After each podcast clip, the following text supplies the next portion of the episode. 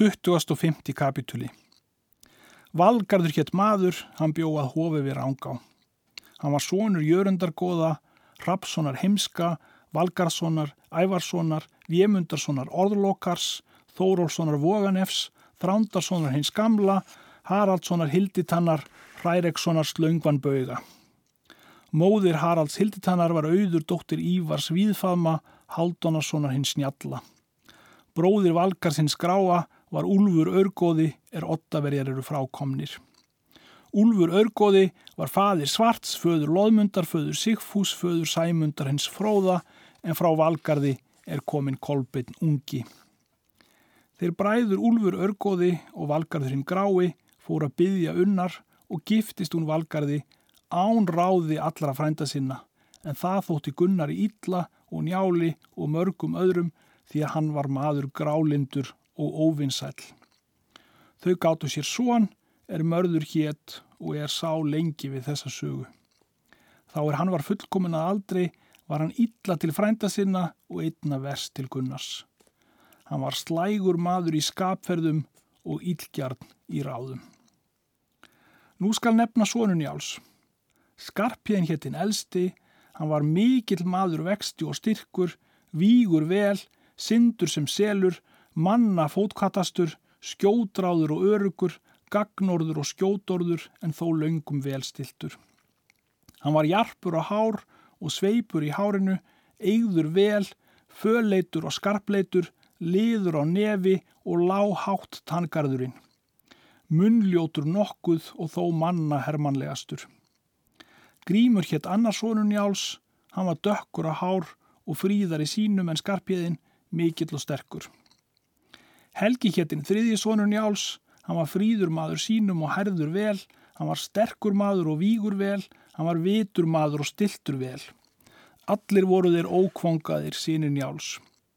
Höskuldur héttin fjórði sonur Njáls, hann var laungetinn, móðir hans hétt Hróðni og var höskuldstóttir sýstir keldum. Njáls spurði skarpjeðinn ef hann vildi kvangast. Hann bað föður sinn ráða baðan jáll þá til handónum Þórhildar, dóttur Raps úr Þórólsfelli og áttan því þar annað bú síðan. Skarpjén fjekk Þórhildar og var þó vistum með föður sínum. Til handa grími bað hann ástríðar af djúpár bakka, hún var ekja og auðu mjög. Grímur fjekk hennar og var þó með njáli. 27. kapituli Áskrimur hétt maður, hann var Elliða Grímsson, Áskrimssonar, Öndóttssonar Kráku. Móðir hans hétt Jórun og var Teitsdóttir Ketil Bjarnarssonar hins gamla frá Mósfelli.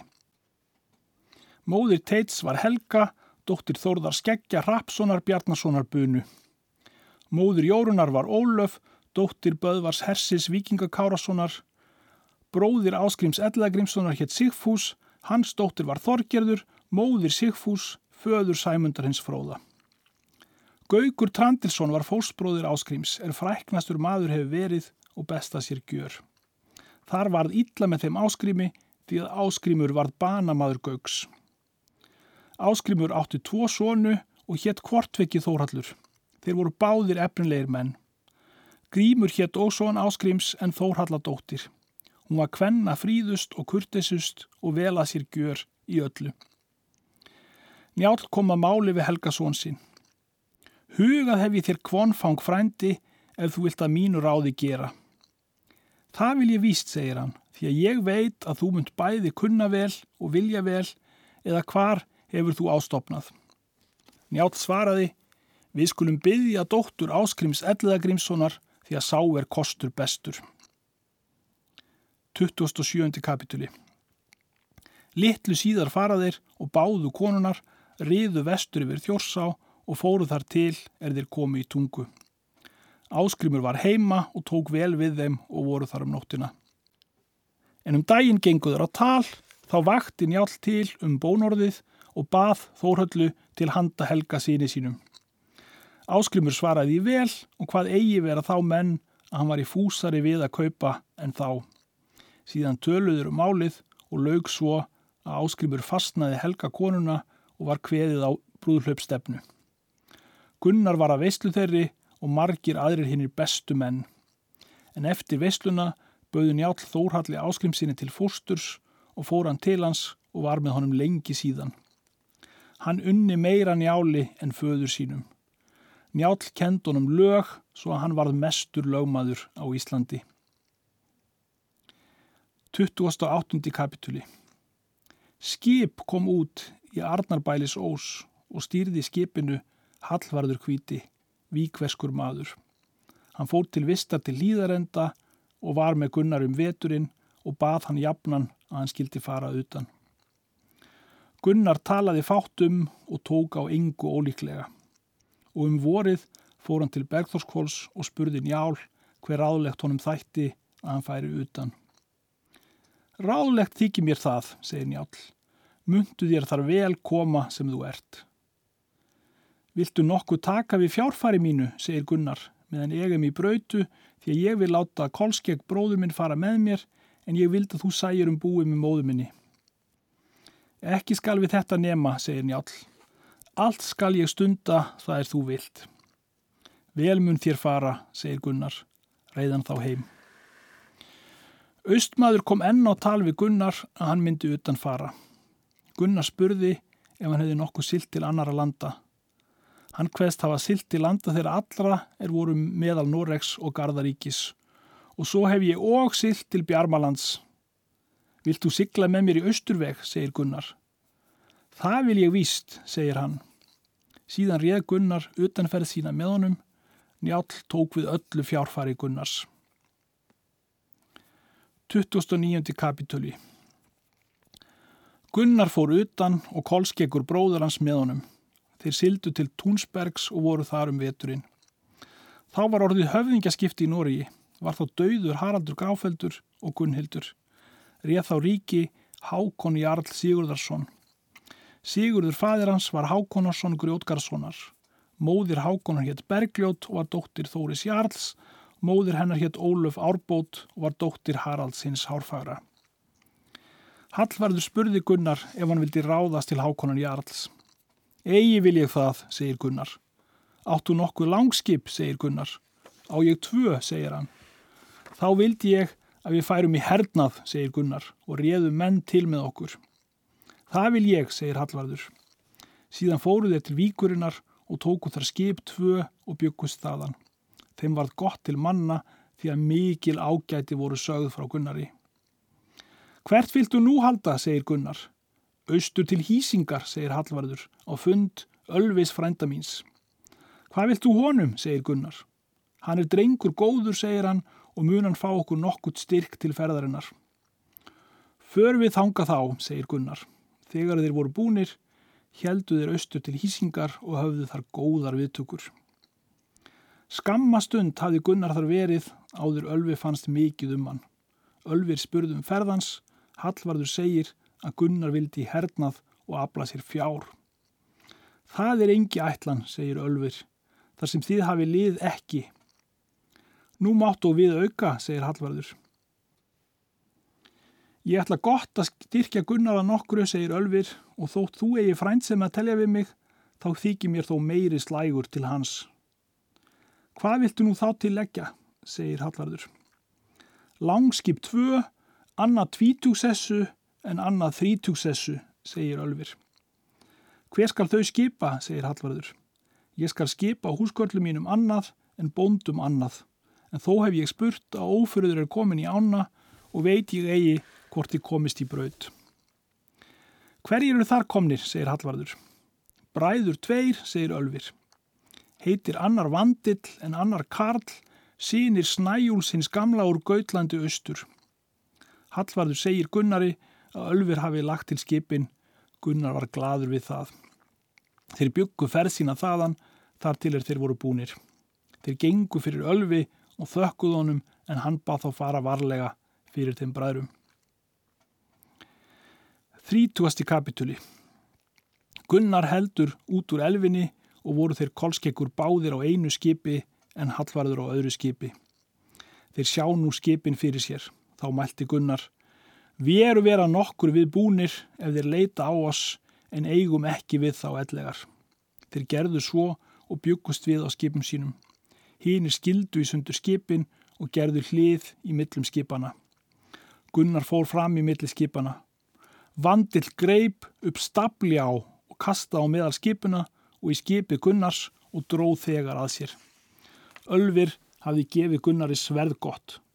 Gunnar brán úr sverðinu og hafði hann eigi sett á sig hjálmin, hann leipur þegar á saksið á skip vandils og hjóð þegar mann til bana. Karl lagði að öðru megin sínu skipi og skaut spjóti um þvert skipið og stemdi á Gunnar miðjan. Gunnar sér spjótið er að hann fór og snýri svo skjótt að eigi mátti auga á festa og tók henni vinstri hendi spjótið og skaut á skip til Karls og hafði sá banaðir fyrir varð. Kolskeggur þreyf upp akkeri og kastað á skip Karls og kom fletnin í borðið og út í gegnum og fjall þar inn sjór kolblár og hljópum en allir af skeiðinni og önnur skip. Gunnar hljóp nú aftur á sitt skip. Þá kom að Hallvarður og tóst þá bardagi mikil með þeim. Sáu þeir nú að fyrir maður var örugur og gerði hver að slíkt er bátti. Gunnar gerði ímist að hann hjóið að skaut og hafði margur maður bana fyrir honum. Kolskeggur fylgd honum vel. Karl hljóp á skip til vandils bróður síns og börðust til þaðan báður um daginn. Kolskeggur tók hvíld á skipi Gunnars og sér Gunnar það og mælti til hans. Betri hefur þú öðrum verið í dag en þér því að þú hefur gert þá óþyrsta. Síðan tók Kolskeggur jústu eina fulla af miði og drakk og barðist eftir það. Og þar kom að þeir bræður hljópu upp á skip þeirra vandils og gekk Kolskeggur með öðru borði en Gunnar með öðru. Í móti Gunnar gekk vandill og hjóð þegar til hans og kom í skjöldin. Gunnar snaraði skjöldin er sverði festi í og brotnaði sverðið undir kjöldunum. Gunnar hjó í móti og síndist hinn um þrjú vera sverðin á lofti og sá hann eigi hvar hann skildi sér helst lífa. Gunnar hjó undir honum báðar fætur, kolskeggur lagði Karl spjóti í gegnum. Eftir það tóku þeir herfang mikið. Þaðan helduði suðu til Danmerkur og þaðan austur í Smálönd og höfðu jafnan sigur. Ekki helduði þeir aftur á hösti. Anna sumar helduður til Ravala og mættu þar vikingum og börðust þegar og fengu sigur.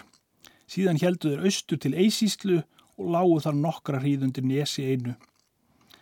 Þeir sá mann eitt ganga ofan af nesinu, Gunnar gekk á land upp að finna mannin og töluðist er við. Gunnar spurði mannin að nafni en hann nefndist Tófi. Gunnar spurði hvað hann vildi. Þig vil ég finna, segir hann. Herski blikja hér, öðru megin undir nesinu og mun ég segja þér hverjir fyrir ráða. Það ráða fyrir bræður tveir, heitir annar Hallgrímur en annar Kolskeggur. Þá veit ég mesta orustumenn og það með að þeir hafa vopp svo góð að eigi fær önnur slík. Hallgrímur hefur atgerð þann er hann hefur látið segða til að honum skal ekki vopn að bana verða nema hann. Það fylgir og að þegar veit er vígar vegið með atgerðnum því að þá syngur í honum áðurhátt. Svo hefur hann náttúru mikla með sér. Kolskeggur hefur saks, það er og þitt besta vopn. Þeir hafa lið þriðjungi meir en þér hafið. Fjö hafa þeir ómikið og hafa fólkið á landi og veit ég gjörla hvað það er. En þeir hafa sendt njóstnarskip fyrir nesið og vita þeir allt til þar. Þeir hafa nú og viðbúning mikinn og ætla þegar að þið eru að leggja er þeir eru búnir. Er yður nú annarkvort til að haldi braut þegar eðla búist þér við sem skjótast. En ef þér hafi sigur þá skal ég fylgja þér til alls fjárins. Hann gaf honum fingurgull og gekk síðan til manna sinni og sagði þeim að herski blá öðrum megin nessins og vita þér allt til vor. Tökum við vopp vor og búumst vel við og skjótt því að nú er til fjára að vinna. Síðan byggust þeir við og þá er þeir voru búnir, sjá þeir að skipin fara að þeim. Tekst nú orusta með þeim og berjast þeir lengi og verður mannfall mikið. Gunnar vó margan mann. Þeir Hallgrimur hljópa á skip til Gunnars, Gunnar snýri í mótonum. Hallgrimur lagði til hans atgerinum Slá einn var um þvert skipið og hljóp Gunnar aftur yfir öfugur, sköldur Gunnars var fyrir framann slána og lagði Hallgrimur í gegnum hann og svo í slána. Gunnar hjó á hönd Hallgrími og lamdist handlegurinn en sverði beiti ekki fjall þá niður atgerinn. Gunnar tók atgerinn og lagði í gegnum Hallgrím. Gunnar bar atgerinn í jafnan síðan. Þeir börðu snabnar og var nærum korum vætna horði. Þá kom Gunnar að og hjó kolskegg bana högg. Eftir það byttu vikingar sér griða, Gunnar let þess kost. Hann let þá kanna valin og taka fjöð það er dauðir menn höfðu átt en hann gaf hinn um vopp sín og klæði er hann gaf grið og bað þá fara til fósturjarða sína. Þeir heldu í braud en Gunnar tók fjöð allt það er eftir var. Tófi koma Gunnari eftir bardagan og bauða fylgjónum til fjár þess er vikingar höfðu fólkið hvað það bæði vera meira og betri en hitt er þeir höfðu áður fengið. Gunnar hvaðst að vilja. Gekkan á land með Tófa fór Tófi fyrir til skóar en Gunnar eftir. Komu þeir þar að er viðir voru mikli saman borðnir. Tófi segir að þar var fjöð undir. Ruttu þeir þá að viðinum og fundu þar bæði gull og silfur, klæðu og voppgóð, báruð þeir fjöð þetta allt á skip. Gunnar spurði Tófa hverju hann vildi að hann launaði honum. Tófi svaraði, eigum danskur maður að ætt og vildi ég að þú flittir mig til frænda minna. Gunnar spurði hví hann væri í austurvegi. Ég var tekin af vikingum, segir Tófi, og var mér skoti hér á landi í Eisíslu og hef ég hér verið síðan. 31. kapituli Gunnar tók við honum og mælti til Kolskeks og Hallvarðar. Nú munum við halda til Norðurlanda. Þeir létu vel yfir því og báðu hann ráða. Gunnar siglir úr austurvegi með fjö miklu, hann hafi tíu skip. Hann hjælt til heiðabæjar í Danmörk. Haraldur Gormsson var þar á landu upp. Honum var sagt til Gunnars og það með að engi var hans maki á Íslandi. Konungur sendi menn sína til hans að bjóðunum til sín. Gunnar fór þegar á konungsfund. Konungur tók við honum vel og sett hann þið næsta sér. Þar var Gunnar halvan mánuð. Konungur hafði það að gamni að hann létt Gunnar reyna ímsar íþróttur við menn sína og voru þeir engir að neina íþrótt hefði til japsviðan. Konungur mælti til Gunnars. Svo virðist mér sem óvíða munni þinn jafningi fást. Konungur bauð að fá honum konfang og ríki mikið ef hann vildi þar staðfestast. Gunnar þakkaði konungi og lést fara verða fyrst til Íslands að finna frændur og vini. Þá mun þú aldrei aftur koma til vor, segir konungur. Auðuna mun því ráða herra, segir Gunnar. Gunnar gaf konungi langskip gott og annað fjemikið. Konungur gaf honum tignaklæði sín og glófa gullfjallaða og skarband og gullnútar á og hatt gerskan. Gunnar fór norður þaðan til hýsingar. Ölfir tók við honum báðum höndum. Hann færði Ölfi skip sín og kallaði það vera hlutskipti hans. Ölfir tók við fjennu og hvað hann vera góðan dreng og bað hann vera þar nokkra hríð. Hallvarður spyr Gunnar ef hann vildi finna Hákon Jarl. Gunnar segir sér það vera nær skapi því að nú er með eg að nokkru reyndur en þá var ég að engu er þú baðst þess næstum. Síðan bygguð er ferð sína og fóru norður til Þránteims á fund Hákonar Jarls og tók hann vel við Gunnari og bauð hann um að vera með sér um veturinn. Hann þekktist það. Gunnar virðist þar hverju manni vel að jólum gaf Jarlunum gullring. Gunnar lagði hug á bergljótu frændkonu Jarls og fannst það ofta á að Jarl myndi hann að hafa gifta Gunnari ef hann hefði nokkuð þess leitað. 30. annar kapituli Um vorið spurði Jarl Gunnar hvað hann vildi ráða sinna. Hann hveðst vilja til Íslands. Jarl hvað lít ært í landi og mun vera lítil útsikling þó skalt þú hafa mjöl og við í skip þitt sem þú vilt. Gunnar þakkaði honum og bjó skip sitt snemmendis. Hallvarður fór út með þeim kólskeki. Þeir komu út snemma sumars og tóku Arnarbælis ós og var það fyrir alþingi. Reið Gunnar þegar heim frá skipi en fekk menn til að riðja skipið og fór kólskekur með honum. En er þeir komu heim urðu menn þeim fegnir, þeir voru blíðir við heimamenn sína og hafði ekki vaksið dramb þeirra. Gunnar spurði hvort njál var í heima. Hún var sagt að hann var heima. Let hann þá taka hest sinn og reið til Bergþórskóls og kólskekkur með honum. Njál varð fegin komuð þeirra og bað þeir skildu vera þar um nóttina. Þeir gerðu svo og sagði Gunnar frá ferðum sínum. Njál sagðan vera hinn mesta afreiksmann og ert þú mjög reyndur en þó mun þú meir síðar því að margur mun þig öfunda. Við alla vildi ég gott eiga, segir Gunnar. Mart mun til verða, segir Njál, og mun þú jafnan eiga hendur þínir að verja. Undir því væri þá, segir Gunnar, að ég hefði mála efni góð. Svo mun á verða, segir Njál, ef þú geldur eigi annara að. Njál spurði Gunnar hvort hann myndi til þings ríða. Gunnar segir að hann myndi ríða og spyr hvort Njál myndi ríða, en hann hveðst eigi ríða myndu og svo vildi ég að þú gerðir. Gunnar reið þá heim og gaf njáli góðar gafir og þakkaði honum fjárvarveisluna. Kolskeikur fýstan að ríða til þings mun þar vaksa sæmtín við því að margur mun þar að þér víkja.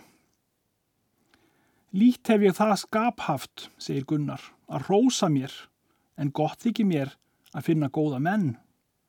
Hallvarður var og þar komin og bauða ríða til þings með þeim. 33. kapitúli Gunnar reið og þeir allir til þings.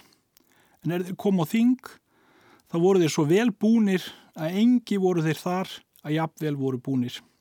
Og fórum en út úr hverri búð að undrast þá. Gunnar reið til búða rángaenga og var þar með frændum sínum.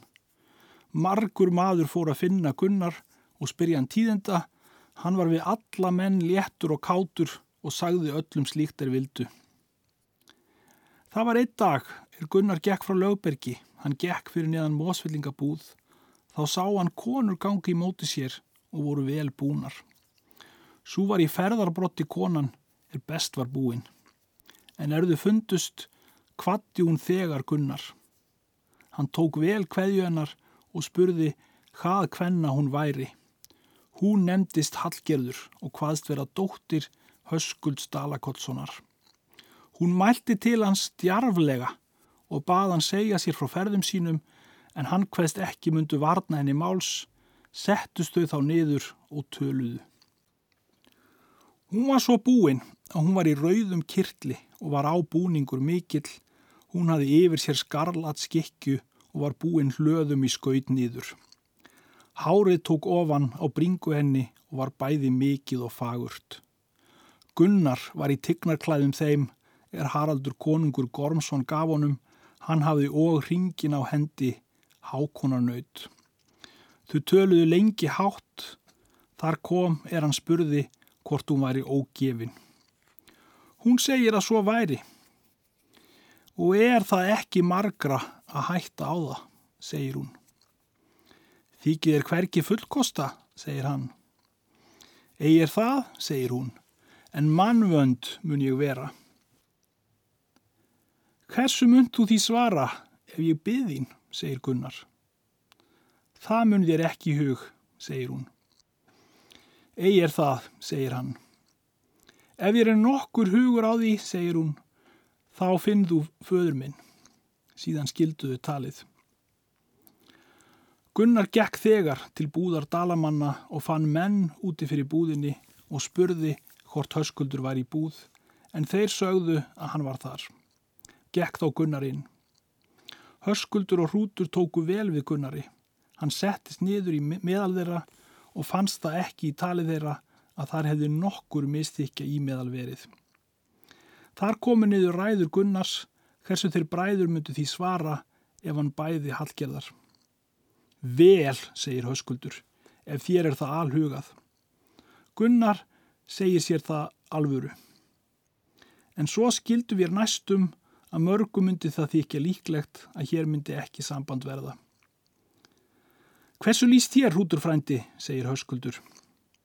Hrútur svaraði, ekki þykir mér þetta jafnræði. Hvað finnur þú til þess, segir Gunnar. Hrútur mælti, Því mun ég svara þér um þetta er satt er. Þú ert maður vaskur og vel að þér en hún er blandin mjög og vil ég þig í engu svíkja. Vel mun þér fara, segir Gunnar, en þó mun ég það fyrir satt hafa að þér virðið í fornan fjandskap ef þér viljið eigi gera mér kostin. Egi er það, segir Rútur, meir er hitt að ég sé að þú mátt nú ekki við gera, en þó að við keiftum eigi þá vildum við þó vera viniðínir. Ég hefi talað við hana og er það ekki fjarrri hennar skapi, segir Gunnar.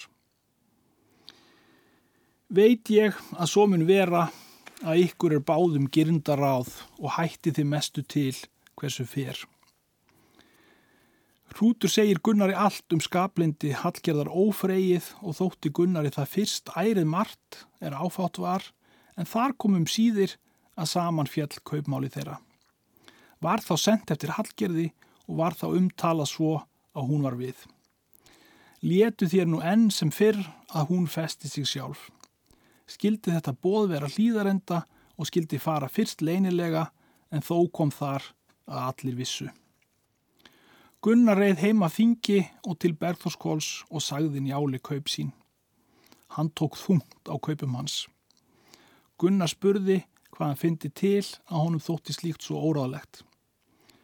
Af henni mun standa allt til ítla er hún kemur austur hingað, segir Njál. Aldrei skal hún spilla okkur vinnfengi, segir Gunnar. Það mun þó svo nærleggja, segir Njál, en þó mun þú jafnan bæta fyrir henni. Gunnar bauði Njáli til bóðs og öllu því þaðan sem hann vildi að færi. Njál hétt að fara. Síðan reið Gunnar heim og reyðum hér aðið að bjóða mönnum.